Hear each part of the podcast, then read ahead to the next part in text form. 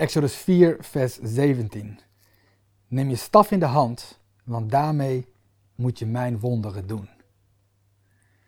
Weet je, als christenen hebben wij de opdracht gekregen van God om met onze mogelijkheden, onze gaven en talenten iets van de glorie van God zichtbaar te maken in deze wereld.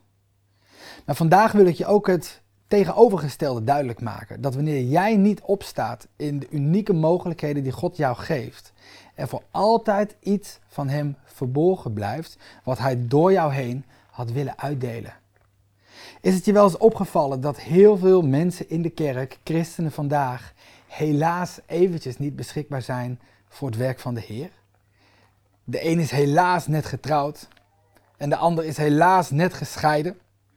De een heeft helaas net kleine kinderen en de volgende heeft helaas net puberkinderen. De een is helaas geboren zonder zelfvertrouwen en de andere helaas zonder talenten, noem het maar op. En zo gebeurt het dat heel veel arbeiders die God zou willen inschakelen, helaas al veel te lang werkeloos op de bank zitten. Nou, een van de schoolvoorbeelden van de Helaasclub is Mozes. Natuurlijk had hij best graag gewild toen God hem riep daar in de woestijn van Midjan, maar helaas, hij was een leeggezogen, verbitterde schaapsherder geworden.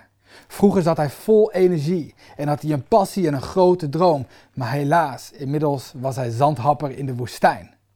Maar daar in de woestijn, verborgen voor iedereen, weet God deze man te vinden. En dat levert een van de mooiste gesprekken op die een mens ooit met God gevoerd heeft. Je leest erover in Exodus 3 en Exodus 4.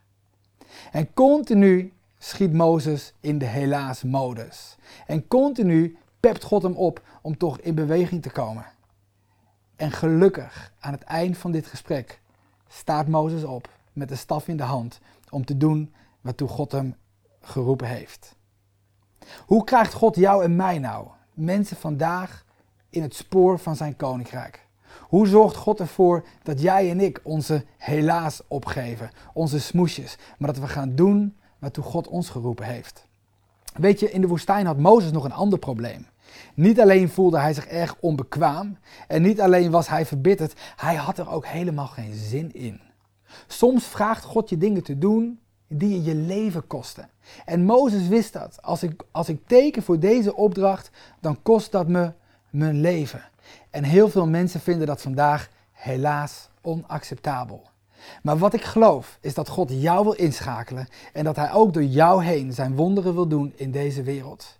En ik hoop dat je net als Mozes bereid bent om je staf op te pakken en te zeggen: Heer, als u mij roept en wat het mij ook kost, ik zal u volgen. Want ik ben van u en u bent van mij. Ik wens je Gods kracht toe in de bediening die voor je ligt.